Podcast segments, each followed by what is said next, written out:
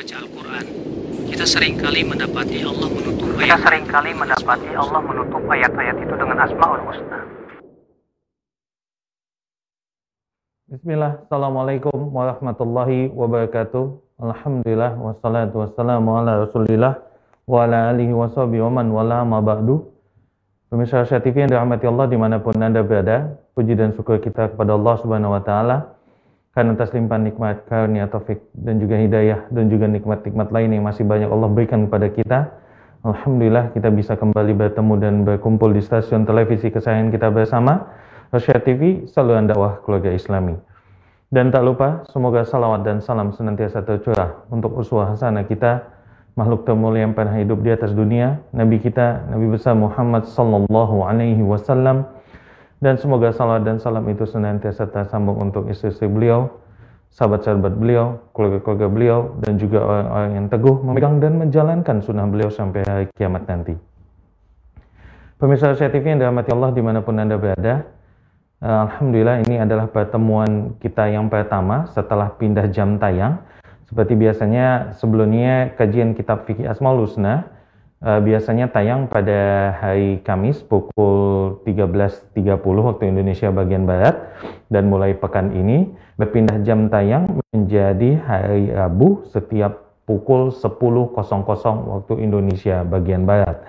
Dan Anda bisa bergabung setiap hari Rabunya di stasiun televisi kesayangan kita bersama, Syah TV, selalu dakwah keluarga Islami. Dan walaupun beberapa jam tayang, insya Allah ta'ala materi masih akan disampaikan oleh guru kita, Ustadz Abu Yahya Badu Salam El Siyafizullah Ta'ala yang ditayangkan langsung dari kediaman beliau di Jawa Barat. Dan perlu kami sampaikan bahwasanya kajian insya Allah Ta'ala akan berlangsung menjadi dua sesi, di mana sesi pertama, insya Allah Ta'ala Ustadz nanti akan menyampaikan materi mengenai pembahasan yang akan disampaikan uh, pada hari ini. Dan sesi kedua nanti kita akan memberikan sesi tanya jawab di mana Anda semua bisa menelpon di line interaktif kami di nomor 0822 88 88 6630. Kami ulangi di 0822 88 88 6630. Namun bagi Anda yang tidak ingin menelpon atau berbicara langsung dengan Ustadz, tapi ingin menyampaikan pertanyaan bisa juga melalui kolom komentar yang terdapat pada platform digital lainnya seperti Facebook, YouTube, ataupun Instagram. Baik, itu saja yang ingin kami sampaikan. Eh, kami minta semuanya untuk meluruskan niat bahwasanya kita berkumpul pada pagi kali ini untuk menuntut ilmu dan berharap berkah dan ridho dari Allah Subhanahu wa taala dan kita juga berharap semoga ilmu yang kita dapat nanti dari Ustaz merupakan ilmu yang bermanfaat dan bisa kita amalkan dalam kehidupan kita sehari-hari. Semoga Allah mudahkan dan langsung saja kita akan masuk ke pembahasan kajian kita pada pagi kali ini di kajian kitab Fikih Asmaul Husna bersama guru kita Ustadz Abu Yahya Badu Salam LC Hafizullah Ta'ala kepada Ustadz Falyatafaddal Maskura Ustadz Assalamualaikum warahmatullahi wabarakatuh. Innal hamdalillah nahmaduhu wa nasta'inuhu wa nastaghfiruh ونعوذ بالله من شرور أنفسنا من سيئات أعمالنا من يهد الله فلا مضل له يضلل فلا هادي له وأشهد أن لا إله إلا الله وحده لا شريك له وأشهد أن محمدا عبده ورسوله قال الله تعالى في كتابه الكريم يا أيها الذين آمنوا اتقوا الله حق تقاته ولا تموتن إلا وأنتم مسلمون أما بعد Ayol ikhwah, kita insya Allah akan melanjutkan kajian kita itu fikih al-asma'il husna. kita masuk ke bab yang aqsam asma'illah min haithul ma'ani. Pembagian nama-nama Allah dilihat dari sisi makna makna. Kata beliau, inna minal mufidi dan fi babi fiqil asma'il husna ma'rifat aqsamiha min haitsu ma'niha wa dalalatuha. Wa hiya tanqasimu biha aqsam. Di antara perkara yang sangat bermanfaat di dalam kami nama-nama Allah Subhanahu wa taala yaitu mengenal pembagian pembagian dari sisi makna-maknanya dan apa yang yang ditunjukkan olehnya. Dan nama-nama Allah terbagi menjadi beberapa bagian dari sisi maknanya kata beliau. Yang pertama al-qism. Ya, bagian yang pertama maka minha dalan ala sifatin dzatiyah. Sifatu dzatiyatu sifatu allati lam yazal ar-rabb wa la yazalu muttasifan biha. Fahiya la tanfaqu an dzat wa la ta'alluq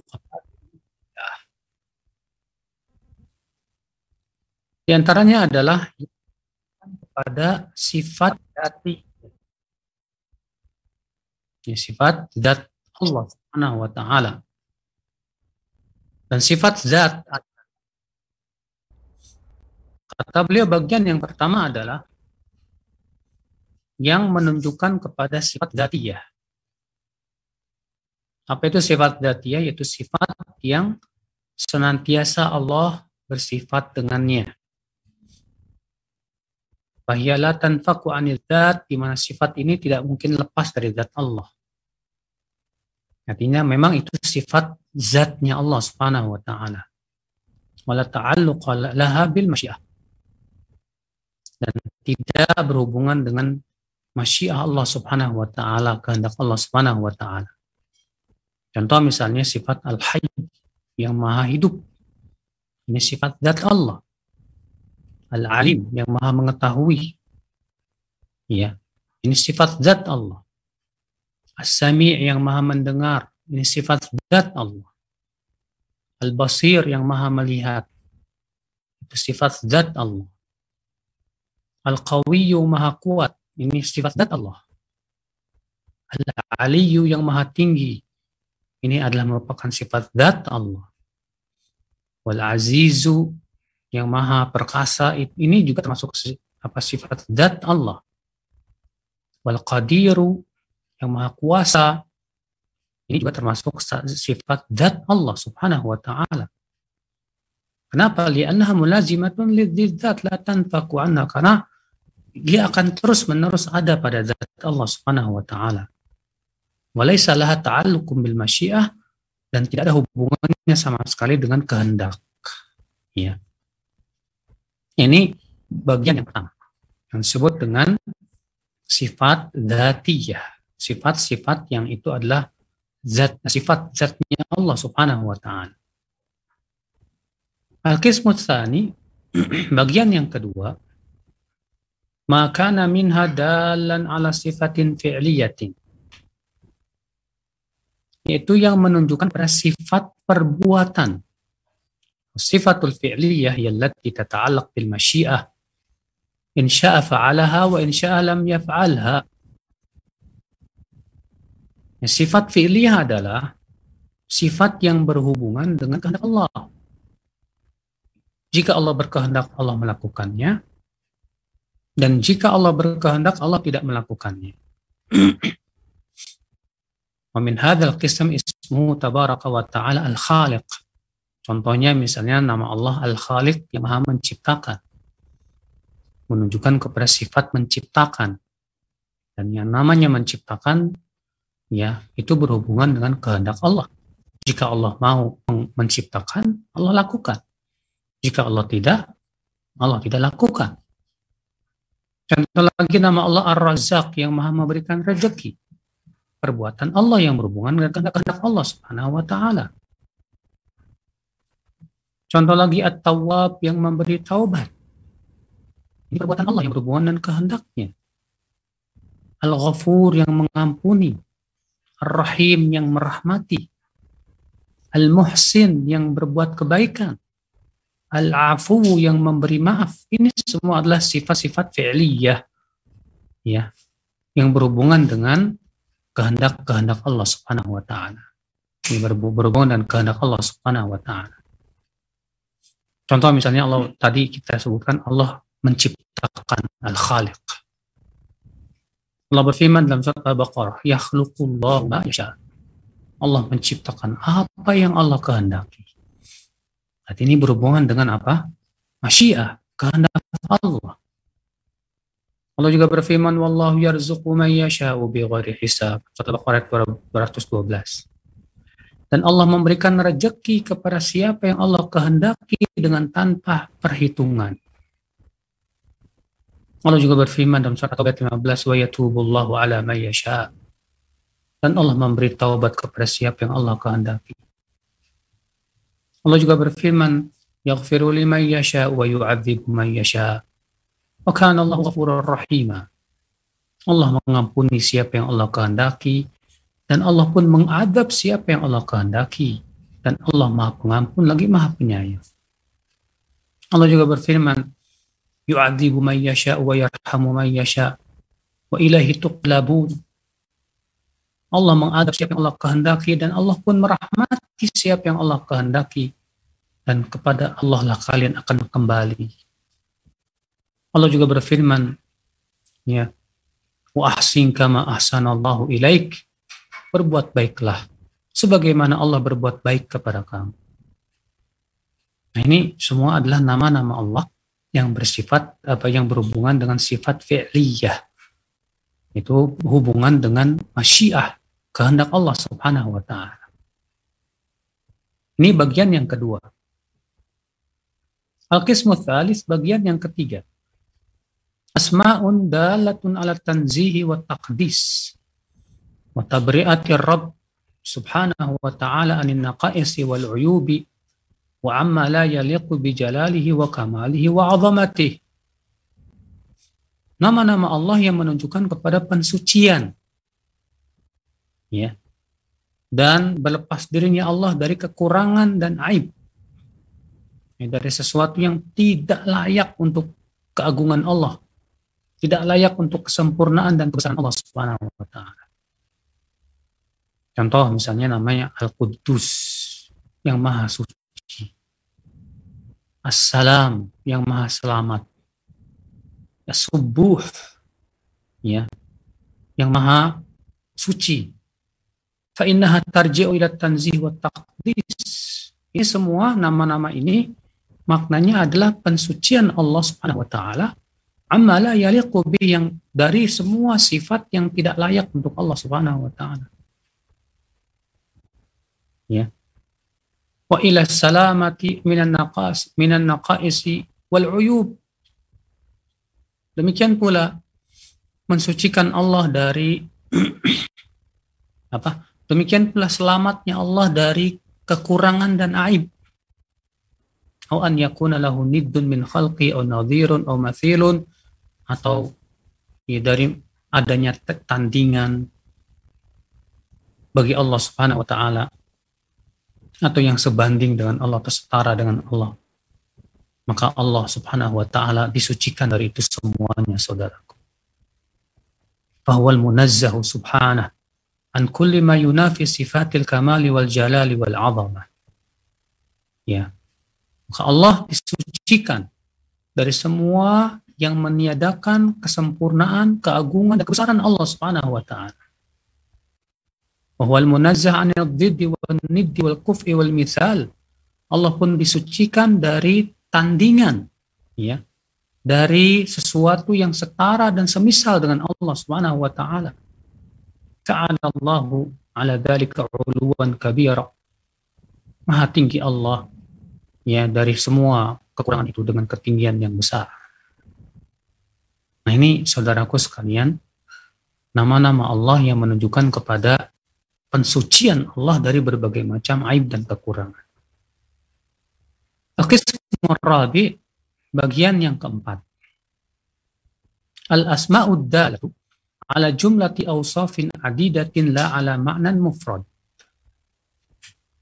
Nama-nama yang menunjukkan kepada beberapa sifat, bukan kepada satu sifat saja. Fa'inna min asma'ihi subhanah ma yakunu dalan ala iddati sifat.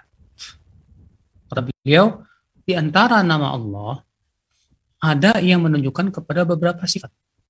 Wa yakunu dhalikal ism mutanawilan li jami'iha tanawul ism ad-dali ala, ala sifatil wahidati laha. Sehingga nama tersebut mencakup semua makna yang ditunjukkan oleh nama tersebut. Ya. Contoh misalnya Al-Majid. Al-Majid ini ya mempunyai beberapa sifat. Fa'inal majid man ittasafa bi sifatin muta'addidatin min sifatil kamal. Al-Majid itu yang memiliki sifat-sifat yang banyak ya dari sifat-sifat yang sempurna. Walafduhu yadullu ala hadha di mana lafadznya menunjukkan kepada ini. Lis-sa'ati wal kathrati wa ziyadati. Karena kata al-majid itu menunjukkan makna apa? Luas, ya, banyak dan bertambah. Ikhwatal Islam azani Allah wa Al-Majid yarji'u ila azamati awsafihi wa kathratihi wa si'atiha. Maka Allah ya dinamai Al-Majid karena maknanya menunjukkan kepada apa? Agungnya ya sifat-sifat Allah dan banyaknya serta luasnya. Wa ila azamati mulkihi wa sultanihi juga menunjukkan kepada keagungan kerajaannya ya yatafarrudi bil kamalil mutlaq wal jalalil mutlaq wal, wal jamalil mutlaq dan juga menunjukkan kepada keesaan Allah dalam kesempurnaan, keagungan dan keindahan. Bahwa laisa dalan ala ma'nan wahidin. Jadi kata al-majid ini tidak menunjukkan kepada satu makna. Nama huwa dalun ala sifatin adidatin akan tetapi ia menunjukkan kepada sifat yang banyak. Ya. Al-Majid kalau terjemahkan ke bahasa Indonesia yang maha mulia. Ya. Dan tentunya kemuliaan pasti ya, berkonsekuensi kepada akan sifat yang banyak. Wal-Hamid, contoh yang kedua nama Allah Al-Hamid yang maha terpuji. Alladzi lahu jami'ul mahamid. Di mana semua pujian milik Allah. Wahya jami'u sifatil kamal yaitu semua sifat yang sempurna. Fakulu sifatin min sifati yuhmadu alaiha. Di mana setiap sifat Allah itu menunjukkan akan terbu, terpujinya Allah dengan sifat itu. Contoh lain adalah Al-Azim yang maha ya agung. itu man lahu kamalul azama fi asma'ihi wa sifatihi wa af'alihi. Itu menunjukkan akan keagungan Allah dalam nama, sifat, dan perbuatannya. Kathiratin min sifatil kamali wal jalali wal jamal. Demikian pula ya al-azim menunjukkan kepada beberapa sifat berupa kesempurnaan, keagungan, ya dan keindahan. Contoh lagi as-samad. Ya. yang yang maha tempat tempat bergantung seluruh makhluk bahwa wasi'us sifati azimuha. Sifat ini luas sekali dan agung sekali. Ya, di mana sifat as-samad menunjukkan kepada apa? Alladzi kamula fi ilmihi wa hikmati wa hilmihi wa qudrati wa izzati wa azamati wa jami'i sifati. Itu yang sempurna dalam ilmunya, hikmahnya, hilmnya, kekuasaannya, ya keperkasaannya, keagungannya, dan seluruh sifat-sifatnya. Itu namanya as-somad. Ini berarti bagian yang keempat ini nama yang mengandung beberapa makna yang sangat sempurna sekali. Fahadi aksamun arba'ah. Min muhimmi ma'rifatu wa ma'rifatu ma yandariju tahta kulli qismin minha min asma'illahil husna. Ini dia empat macam ya dari nama-nama Allah dan penting sekali untuk kita kenal, ketahui. Ya. Dan mengetahui juga semua nama-nama yang ada dalam empat macam tersebut. Ya, kenapa? Karena manfaatnya besar. Ya, dalam masalah memahami nama-nama Allah Subhanahu wa taala. Ikhwata Islam azani Allah wa iyyakum. Lalu beliau berkata lagi kata Syekh Abdul Razak ma taqaddama fihi aydan dalalatun ala anna asma Allah kullaha nu'ud. Dari sana ini menunjukkan bahwa semua nama-nama Allah mengandung sifat. Ya, tidak ada satupun nama kecuali mengandung sifat. Tidak seperti keyakinan Mu'tazilah. Mu'tazilah mengatakan bisa saja Allah punya nama tapi tidak tidak memiliki sifat. Ini jelas batil. Ya. Laisat a'laman mahdah li mujarradit ta'rif. Bukan sebatas alam, tanda, nama, bukan sebatas nama saja. Ya. Bal hiya asma'un mushtaqatun dalatun ala ma'anin hiya sifatu kamalin qa'imatin bih subhanahu tujibu lahul madha wa thana. Akan tetapi nama-nama ini diambil dari makna-makna sifat yang sangat sempurna sekali ya yang berkonsekuensi kepada bahwa Allah terpuji dan tersanjung dengan nama-nama tersebut. Famin asma'ihi ma yadullu ala sifatin zatiyah, faminha ma yadullu ala sifatin fi'liyah, wa minha ma yadullu ala sifati taqtisin wa tanzih, wa minha ma yadullu ala jumlati awsafin adidah. Sudah kita sebutkan tadi setiap nama mengandung sifat. Dan ternyata ada nama-nama sudah kita sebutkan, ada yang nama yang menunjukkan kepada sifat datiyah, ada nama yang menunjukkan kepada sifat fi'liyah, ada nama yang mengandung menunjukkan kepada sifat pensucian takdis dan tanzih. Dan ada lagi nama yang menunjukkan kepada beberapa makna yang agung. Walaysa fiha mutlaqun ismun la yadulu ala sifah. Ya, laisa fiha mutlaqan. Secara mutlak tidak ada satupun nama yang tidak menunjukkan kepada sifat. Ya. Makanya Allah memuji dirinya dengan nama-nama Asmaul Husna itu. Kenapa? Karena setiap nama mengandung sifat. Kalaulah nama tidak mengandung sifat, tentu Allah tidak terpuji dengannya. Ikhwatal iman, azan ya Allah wa ya. Kemudian kata beliau, wa makana min asma'i jamidan ghairu dalin asifah la madha fihi wa la dalalata ala sana la yadkhul fi asma'illah. Kalau misalnya ada nama yang tidak mengandung sifat dan tidak menunjukkan kepada pujian, maka itu bu dipastikan bukan nama Allah Subhanahu wa taala. Bukan. Kenapa li'anna asma Allahi kulluha husna. Kenapa? Karena nama-nama Allah semuanya kullaha husna. Ya ibalighatun fil husni nihayatahu wa kamal. Apa sih makna husna? Yaitu yang sampai puncak kebagusan. Itu namanya husna, saudaraku sekalian.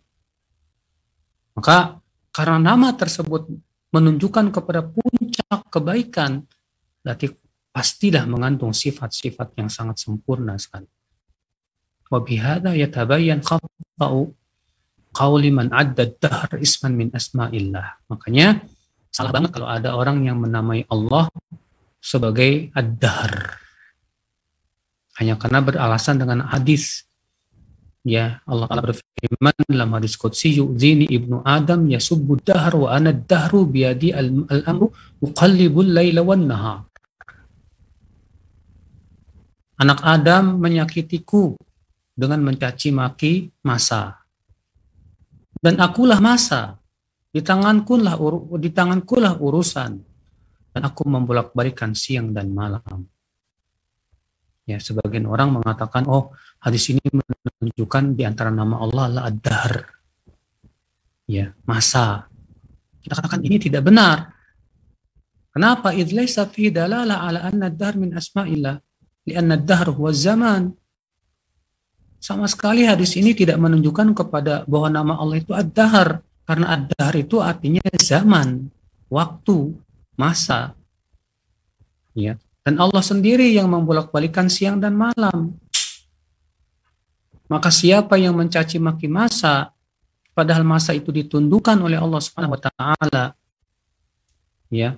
Allah yang menciptakannya, maka sama saja ia telah mencaci penciptanya, telah mencuci mencaci pen, yang menundukkannya itu Allah Subhanahu wa taala. Maka ya Ad-Dahr bukan nama Allah sama sekali. Ya. Tidak menunjukkan kepada sifat, tidak pula menunjukkan kepada apa? Ya, makna-maknanya yang sempurna. Nah, ini saudaraku sekalian, azannya Allah wa iyyakum. uh, apa namanya? Bagian pembagian nama-nama Allah Subhanahu wa taala. Ya, sekali lagi saya ulang bahwa pembagian nama Allah itu yang pertama nama Allah yang menunjukkan kepada sifat datiyah. Contohnya sifat Al-Hayy yang maha hidup. Al-Qadir yang maha kuasa. As-Sami' Al-Basir yang maha mendengar, maha melihat. Ar-Rahim yang maha merahmati. Ini semua adalah uh, ya Al-Aziz yang maha perkasa. Ini semua adalah nama-nama nama-nama Allah yang ber, yang menunjukkan kepada sifat ya. Yang kedua yaitu nama Allah yang menunjukkan kepada sifat fi'liyah. Itu yang berhubungan dengan masyiah kehendak Allah. Contohnya yaitu At-Tawwab yang maha memberi taubat, Al-Ghafur, Al-Khaliq, Ar-Rahim. Ya. Kemudian yang ketiga yaitu menunjukkan kepada sifat tanzih dan takdis ya yang menunjukkan kepada sifat yang menunjukkan akan sucinya Allah dari berbagai macam kekurangan. Dan yang terakhir itu nama Allah yang menunjukkan kepada beberapa sifat yang sempurna. Nah ini baik, saya kira cukup ya pembahasan kita. Kita buka tanya jawab. Nah, Allah. Baik. Jazakallah khairan barakallahu fikum Ustaz atas materi yang sudah disampaikan dan kami mengundang pemirsa Asia TV untuk bisa bertanya di line interaktif kami di nomor 0822 88886630. Kami ulangi di 0822 88886630. Baik pertanyaan bisa seputar tentang yang tadi sudah disampaikan oleh Ustadz yaitu mengenai sifat-sifat Allah yang ada dibagi empat tadi kalau tidak salah ada sifat zatia, zatia dan fi'liyah, tanzih dan juga sifat yang sempurna. Baik, silakan untuk bertanya mengenai uh, sifat-sifat uh, yang sudah disampaikan oleh guru kita tadi, Ustaz Abu Yahya Salam Atau bagi Anda yang ingin bertanya lewat kolom komentar, silakan di, ada di Instagram, Facebook, ataupun di YouTube. Baik Ustaz, kita akan masuk ke pertanyaan pertama kita pada pagi kali ini. Assalamualaikum Ustadz, Nama saya Usnawati, usia 60 tahun. Saya selalu merasa berdosa berkepanjangan dikarenakan saya pinjam uang dari bank dan saya gunakan untuk membeli tanah.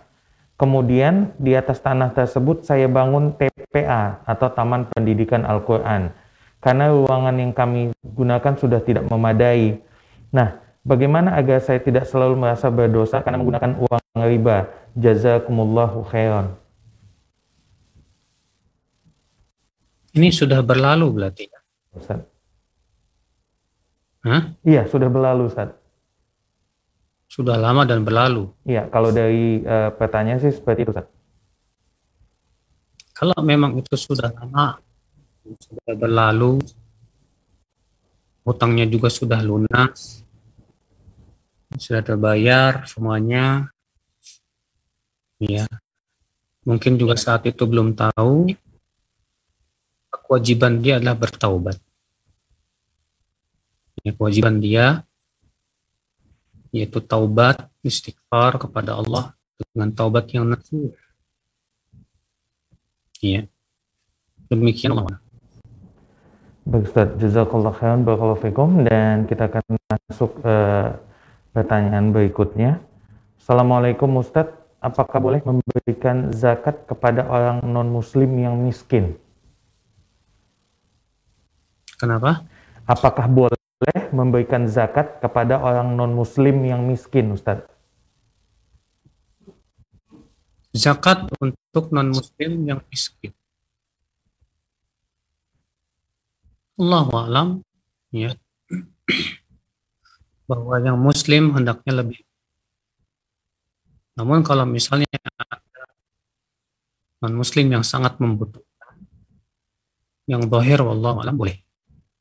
Untuk diberikan kepada fakir miskin walaupun non muslim kenapa? Karena Allah menyebutkan ketika menyebutkan tentang mustahik daripada zakat ya innama sadaqatu lil fuqara. Ya sesungguhnya sedekah atau zakat orang-orang fakir miskin Ya. Walaupun tentunya yang paling berhak untuk mendapatkannya adalah kaum, kaum muslimin.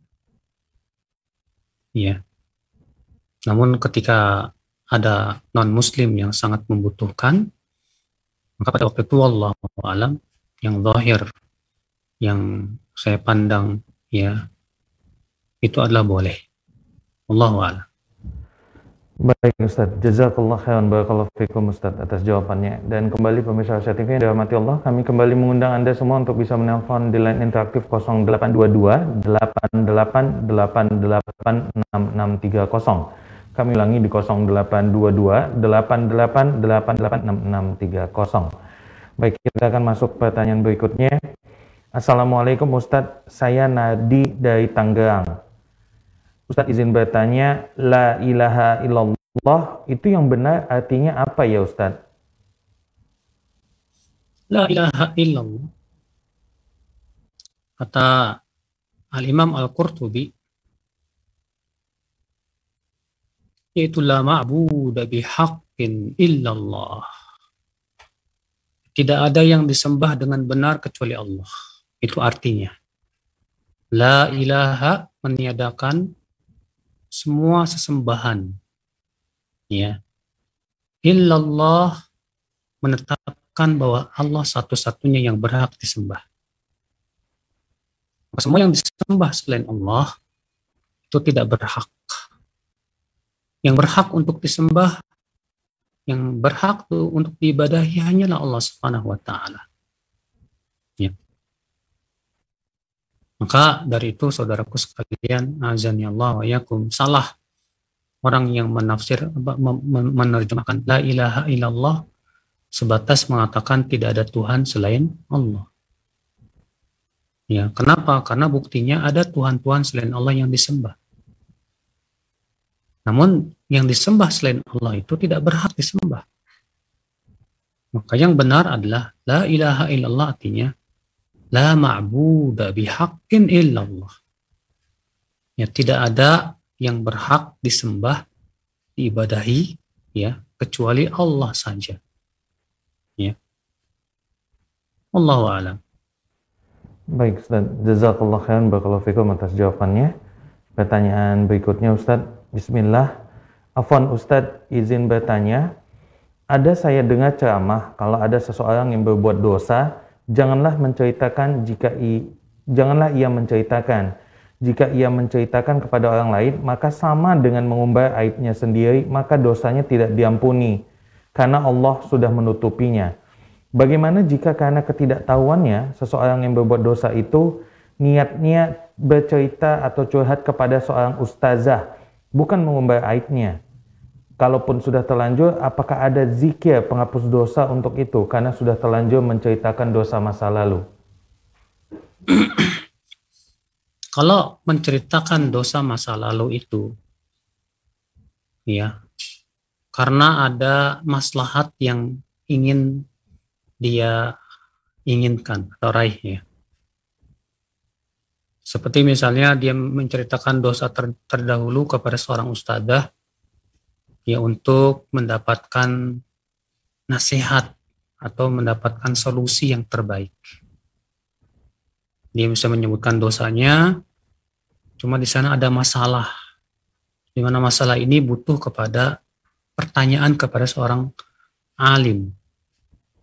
Dan ketika dia bertanya kepada oh, seorang alim ini, mengharuskan dia harus menyebutkan dosa yang terdahulunya agar menjadi jelas permasalahannya agar si si alim ini ketika menjawabnya juga ya jelas. Maka pada waktu itu Allah alam boleh. Ya, sebagaimana halnya Ka'ab bin Malik yang menceritakan tentang dosanya terdahulu di saat beliau tidak ikut perang, ya. Dan itu termasuk dosa besar. Tapi beliau ceritakan karena di sana ada banyak sekali faidah-faidah yang bisa dipetik, maslahat yang bisa dipetik. Nah, kalau si akhwat ini menceritakan dosanya terdahulu tanpa ada alasan apa-apa, cuma pengen cerita doang. Iya. Maka ini tidak layak. Karena itu sudah membongkar aib diri sendiri. Sesuatu yang telah Allah tutupi untuk kita. Maka kewajiban dia istighfar, mohon ampun kepada Allah Subhanahu wa taala. Demikian. Allahu Baik Ustaz, jazakallah khairan barakallahu fikum atas jawabannya dan alhamdulillah sudah ada penelpon yang tersambung di line interaktif kami di 0822 88886630. Kita coba sapa terlebih dahulu. Assalamualaikum warahmatullahi wabarakatuh. Waalaikumsalam warahmatullahi wabarakatuh. Dengan Bapak siapa di mana? Dari Abu Abu Alif di Kalimantan Barat. Baik, Pak Abu Alif di Kalimantan Barat. Silakan Pak Abu Alif untuk langsung bertanya kepada Ustadz, oh, Bapak. Mau nanya. Assalamualaikum Ustaz. Mau nanya ini Ustaz. Uh, bagaimana penjelasan tentang masa patroh itu Ustaz? Iya. Itu, itu, saja, itu saja Pak Abu Alif. Baik. Assalamualaikum warahmatullahi wabarakatuh. Waalaikumsalam warahmatullahi Apa maksud daripada masa patroh? Pada asalnya masa patroh itu adalah masa kekorongan, kekosongan Nabi dan Rasul. Iya, secara inti adalah tidak adanya orang yang menyeru ya kepada tauhid, kepada agama Allah Subhanahu wa taala dan tidak ada orang yang yang mendakwahkan agama Allah Subhanahu wa taala. Atau ya lebih ringkas lagi adalah tidak sampainya ilmu kepada suatu kaum akibat tidak ada orang yang menyampaikannya kepada mereka dan tidak sampainya ilmu bukan karena ya mereka menganggap remeh menuntut ilmu Allah Subhanahu wa taala. Maka dari itu, saudaraku sekalian, sama halnya juga orang yang masa fatrah itu adalah orang yang tinggal di suatu tempat yang sangat terpencil. Ya. Tidak tidak ada ilmu, tidak ada ulama. Dan tidak ada yang menyampaikan kepada mereka dakwah tauhid. Maka orang-orang seperti ini sama hukumnya dengan orang-orang yang berada di masa fatrah. Ya. Nah, sekarang jadi pertanyaan, apakah ibunda Rasulullah apa orang-orang musyrikin apakah orang-orang musyrikin Quraisy ya bukankah mereka itu di masa fatrah disebut masa fatrah sudah kita sebutkan tadi kekosongan dari nabi dan rasul. Ya. Yang berakibat kepada apa? Tidak sampainya ilmu kepada suatu kaum. Adapun kalau misalnya di suatu masa kosong dari nabi dan rasul, tapi ilmunya masih ada dan banyak orang yang menyampaikannya dan telah sampai kaum tersebut ya ilmu dari para dari para nabi dan rasul melalui perantara para ulama. Maka mereka tidak disebut dengan masa fatrah. Eh, ahlul fatrah mah. Mereka tidak disebut dengan ahlul fatrah. Ya. Makanya dari itulah orang-orang Quraisy mereka di waktu musim uh, panas pergi ke Syam, di musim dingin pergi ke Yaman untuk berdagang. Bisa mereka bertemu dengan orang-orang Yahudi dan mendengar ya tentang akan berita munculnya nabi terakhir. Mereka juga tahu betul tentang ajaran Nabi Musa dan ya ajaran Nabi Isa. Mereka mendengar itu dari kaum Yahudi, tapi mereka tidak mau peduli. Makanya ya pendapat kebanyakan ulama mengatakan orang tua Nabi di neraka. Nah, kok bukannya mereka orang ahlul fatrah? Betul, tapi masalahnya telah sampai juga kepada mereka ilmunya. Ya. Karena mereka orang-orang Quraisy biasa bertemu dengan ahlul kitab dan mereka juga pastinya mendengar tentang ajaran ahli kitab Bahkan buktinya di antara orang-orang Quraisy ada yang masuk agama Nasrani, yaitu Naufal, apa Waraqah bin Naufal. Ya, Waraqah bin Naufal di atas agama Nasrani yang murni. Di antara orang Quraisy juga ada ada yang masih di atas agama Ibrahim yang murni. Saya lupa namanya Zaid bin siapa begitu yang pernah sempat ketemu Rasulullah Shallallahu Alaihi Wasallam sebelum Rasul diutus menjadi Nabi dan Rasul. Ya. Nah dari itulah saudaraku siapa pun yang telah sampai kepadanya ilmu, ya maka dia tidak disebut dengan ahlul fatrah.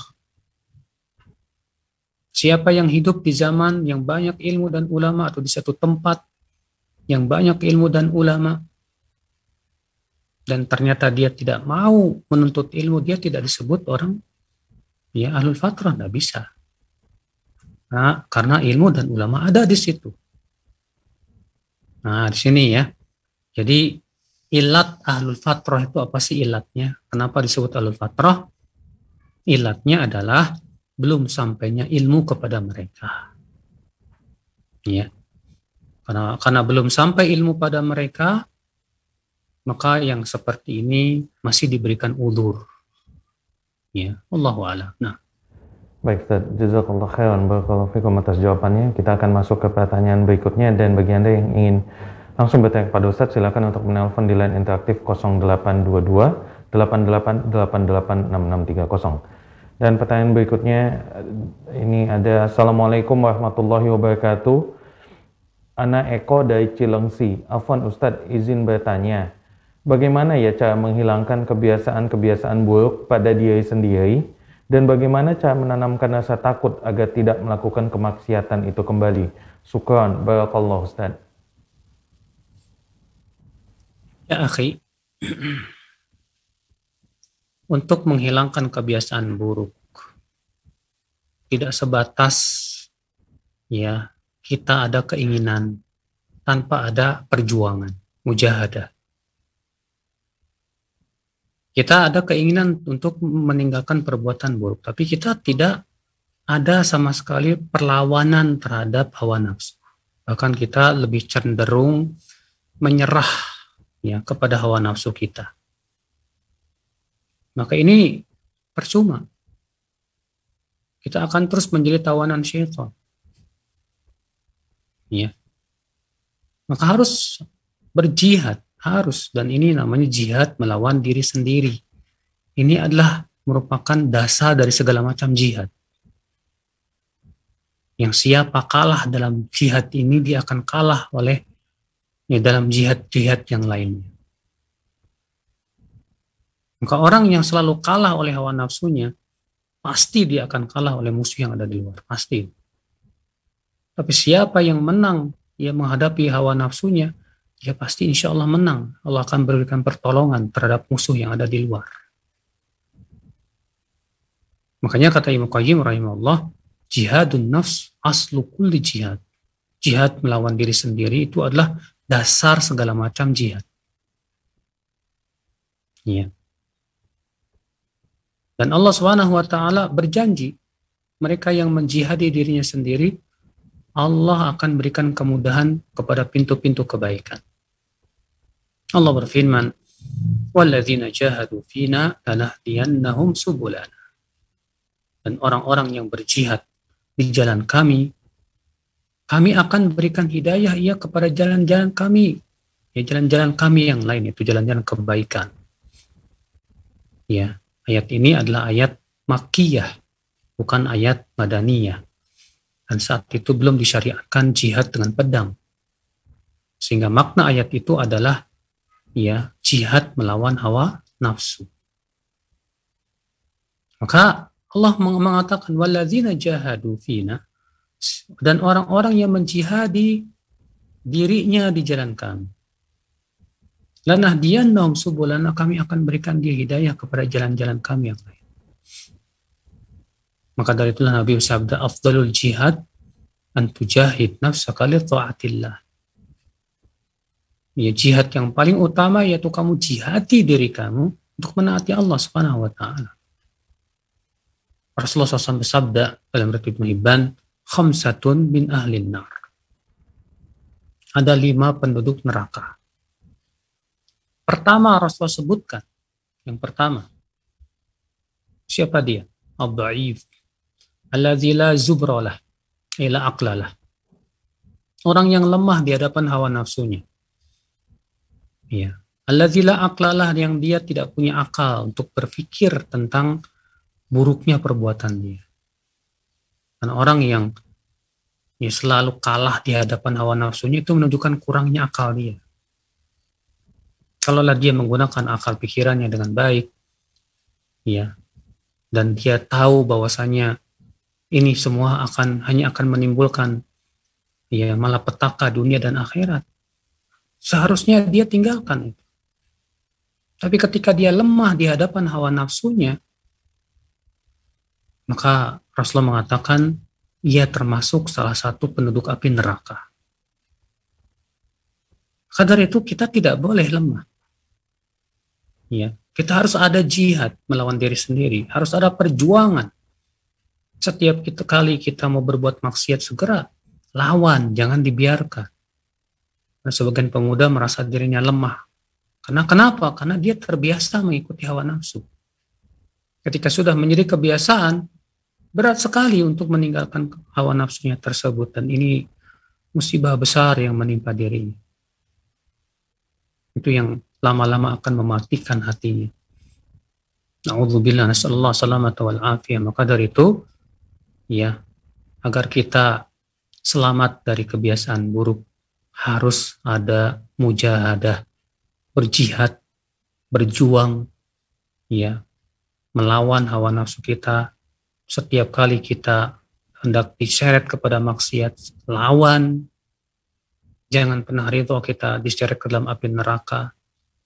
Lawan dan lawan terus. Tinggalkan semua sebab yang menyebabkan kita terjerumus. Ya. Segera kita biasakan beramal soleh. Ya. Demikian Allah Nah. Baik Ustaz, jazakallah khairan barakallahu fikum dan alhamdulillah Ustaz ini adalah pertanyaan terakhir sekaligus penutup pertemuan kita Ustaz. Anda bacakan izin Ustaz pertanyaan terakhir kita pada pertemuan kita pagi kali ini. Assalamualaikum Ustaz. Semoga Allah merahmati Ustaz dan juga kaum muslimin seluruhnya. Izin bertanya Ustaz, apakah sifat tergesa-gesa berasal dari setan? Sedangkan saya merasa setiap tindakan yang saya lakukan itu sering tergesa-gesa dan tidak bisa bersikap tenang. Bagaimana bisa agar mempunyai sifat tenang Ustaz? Barakallahu fiqh Ustaz. Demikian memang ada sebuah riwayat begitu al-ajalatu minasyaitan. Ketergesa-gesaan itu berasal dari setan. Iya. Maka dari itu saudaraku tergesa-gesa itu akibat daripada kurang jauhnya pikiran kita. Iya. Dan kurang sabarnya kita kalaulah akal kita berpikir secara jauh dan kita pun diberikan oleh Allah kesabaran, insya Allah kita nggak bakal tergesa-gesa. Tergesa-gesa hanya terpuji dalam satu perkara, yaitu bergegas dalam kebaikan. Tapi ya, tergesa-gesa dalam segala sesuatu pada asalnya tidak bagus. Kita melakukan suatu perbuatan tergesa-gesa, melakukan pekerjaan dengan tergesa-gesa, hasilnya pasti sangat mengecewakan. Kita sholat tergesa-gesa, mengakibatkan sering kali sholat kita tidak diterima oleh Allah. Kita baca Quran tergesa-gesa, akibat daripada kita tidak merasakan nikmatnya. Ya, membaca Al-Quranul Karim. Ya, maka dari itu, bagaimana caranya agar kita tidak tergesa-gesa. Nah, caranya yang pertama, ya, kita berusaha untuk apa namanya bersabar, punya sifat apa? Sabar. Ketika kita melakukan suatu perbuatan, pikirkan baik-baik kalau saya tergesa-gesa apa manfaatnya. Nah, emang mau ketinggalan apa kapal atau pesawat kalau kita ya pesawat sebentar lagi mau berangkat kita tergesa-gesa ya nggak masalah. Tapi ini nggak ada sebab, nggak ada apa, tergesa-gesa. Kemudian yang mengerikan lagi ketika memfonis sesuatu, mengambil sikap, atau memutuskan tergesa-gesa. Itu menunjukkan apa kepada apa? Kepada kelemahan akal. Makanya, ya, kalau ketergesa-gesaan itu berhubungan dengan masalah mengambil sikap, mengambil keputusan, maka lawan dengan cara apa? Sabar. Jangan tergesa-gesa mengambil keputusan. Ya kumpulkan dulu semua bukti-buktinya. Pikirkan dulu jauh-jauhnya, sejauh-jauhnya. Ya, apakah kalau saya melakukan perbuatan ini akan menghasilkan kebaikan atau tidak? Kemudian biasakan musyawarah ya dengan para ahlinya kalau ketergesa-gesaan itu di dalam masalah ibadah, tergesa-gesa dalam sholat dan yang lainnya, maka itu akibat daripada kita tidak merasakan nikmatnya nikmatnya apa sholat. Maka kita lawan dengan cara apa? Berusaha untuk ya apa namanya menikmati sholat dengan memahami makna-maknanya dan ingat bahwasanya kita sedang berhadapan dengan Allah dan itu kebutuhan hidup kita Nah, saudaraku sekalian, maka tergesa-gesa dalam segala sesuatu, kita lihat ya sebab-sebabnya ketergesaan kita apa. Karena ya ketergesa-gesaan itu pasti ada sebabnya. Ya, kita tergesa-gesa karena mau ketinggalan apa kapal tadi, pesawat tadi. Ini seperti ini lumrah, nggak masalah, gimana lagi? Ya, atau misalnya tergesa-gesa ketika kita apa namanya uh,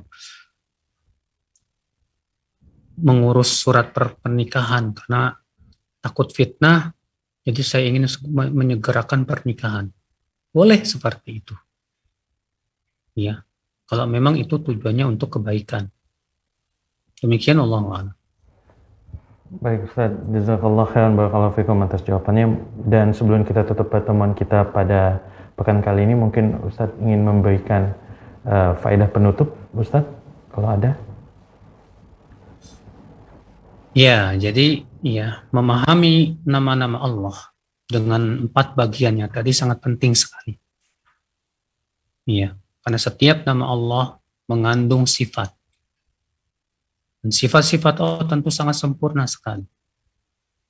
Maka ketika kita ya berusaha untuk memahaminya dan berusaha untuk mengamalkan dalam kehidupan kita sehari-hari itu insya Allah menjadi sebuah kebaikan yang besar dalam hidup kita demikian. Semoga yang saya sampaikan bermanfaat. Mohon maaf bila ada kata-kata yang tak berkenan di hati.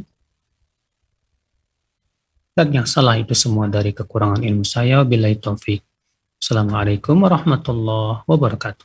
Waalaikumsalam warahmatullahi wabarakatuh. Jazakallah khairan barakallahu fikum pada guru kami Ustaz Abu Yahya Bardu Salam El Syafizullah Ta'ala atas pemaparan uh, materi yang disampaikan pada pagi kali ini dan semoga apa yang disampaikan tadi bisa bermanfaat untuk kami dan semoga Allah menjaga dan memberkahi ilmu Ustadz dan menjaga Ustadz dalam kesehatan Eh, seterusnya sehingga bisa memberikan masih banyak faedah untuk kami uh, murid-muridnya di Rosyad TV. Baik pemirsa Rosyad TV di mana pun Anda berada kami mengucapkan jazakumullah khairan barakallahu fikum kepada Anda semua yang sudah bertanya langsung kepada kami baik lewat line telepon ataupun di kolom komentar dan kami mohon maaf jika tidak semua pertanyaan bisa kami sampaikan atau kami sambungkan kepada Ustadz. Kami seluruh ikhwah dan kabar kerja yang bertugas pamit undur diri. Kita tutup pertemuan kita pada pagi kali ini dengan doa kafatul majlis. Subhanakallahumma bihamdika. Asyadu la ilaha illa anta. Assalamualaikum warahmatullahi wabarakatuh.